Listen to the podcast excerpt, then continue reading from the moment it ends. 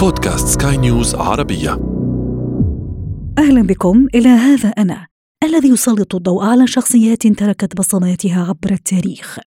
يأتيكم عبر منصة سكاي نيوز عربية على أبل، جوجل وسبوتيفاي معي أنا آمال شاب. هذا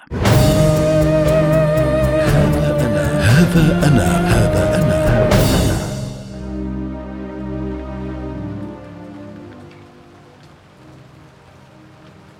ملقا جنوب إسبانيا. إننا في عام 1881 لقد تبقى على رحيل الشهر العاشر ستة أيام فقط. خوسيه رويث أستاذ الرسم والتصوير وماريا بيكاسو يرزقان بطفلهما الأول بابلو. تمر الأيام ويكبر بابلو. والده يلقنه مبادئ الرسم والتصوير الزيتي. عشق بابلو الألوان وخطوط الرسم لدرجة انشغل فيها الفتى الصغير بالرسم على حساب دراسته. إنه في الثالثة عشرة. لقد تسلل إلى مرسم والده.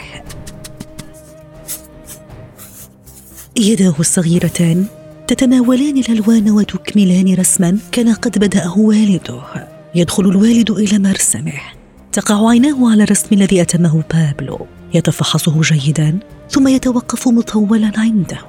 لقد تفوق التلميذ على معلمه يتمتم والد بابلو. إننا في عام 1895 انتقلت عائلة بابلو بيكاسو إلى مدينة برشلونة بعد حصول رب الأسرة على منصب جديد في أكاديمية الفنون الجميلة. وهي الأكاديمية التي سينتسب إليها الفتى بابلو. إنه يحقق شهرة كبيرة في إسبانيا وهو بالكاد في الرابعة عشرة بعدما أنهى رسم لوحته العلم والإحسان.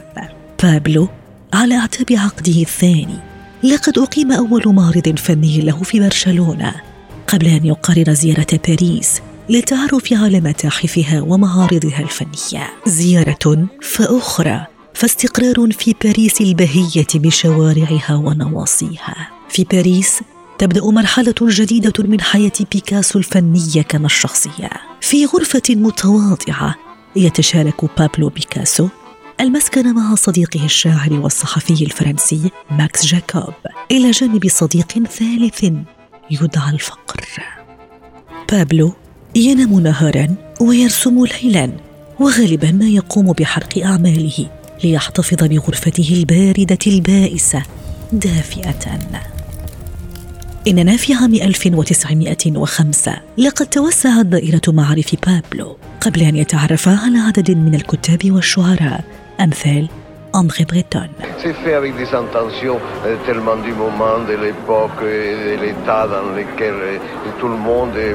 trouvons.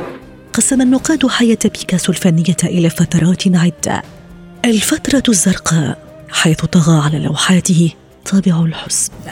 ثم الفترة الوردية حيث تميزت لوحاته باستخدام ألوان أكثر إشراقا. بحلول عام 1906 بدأت الأشكال في لوحاته تبدو أكثر عمقا وغموضا. واتجهت لوحاته نحو الفن التكعيبي وهو أسلوب يهتم بدراسة الأشياء وتحليلها. وإظهارها بصورتها المجردة.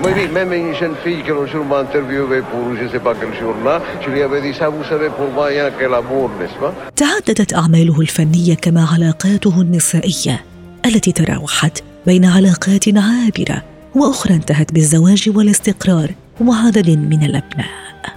أكثر من 45 ألف عمل فني لبيكاسو هي عدة وعتات بيكاسو الفنية التي أحدث بها تغييرا جذريا في فن الرسم وهو الذي صنف فنه بالفن المتحرر من قيود الماضي. إننا في الثامن أبريل عام 1973 في يوم ربيعي مشرق تنطفئ حياة بابلو بيكاسو التسعيني الذي تلونت حياته كما لوحاته بألوان الحزن والفرح. هذا أنا هذا أنا نهاية هذه الحلقة من هذا أنا. استمعتم إليها عبر منصة سكاي نيوز عربية على أبل، جوجل وسبوتيفاي. ولنا لقاء.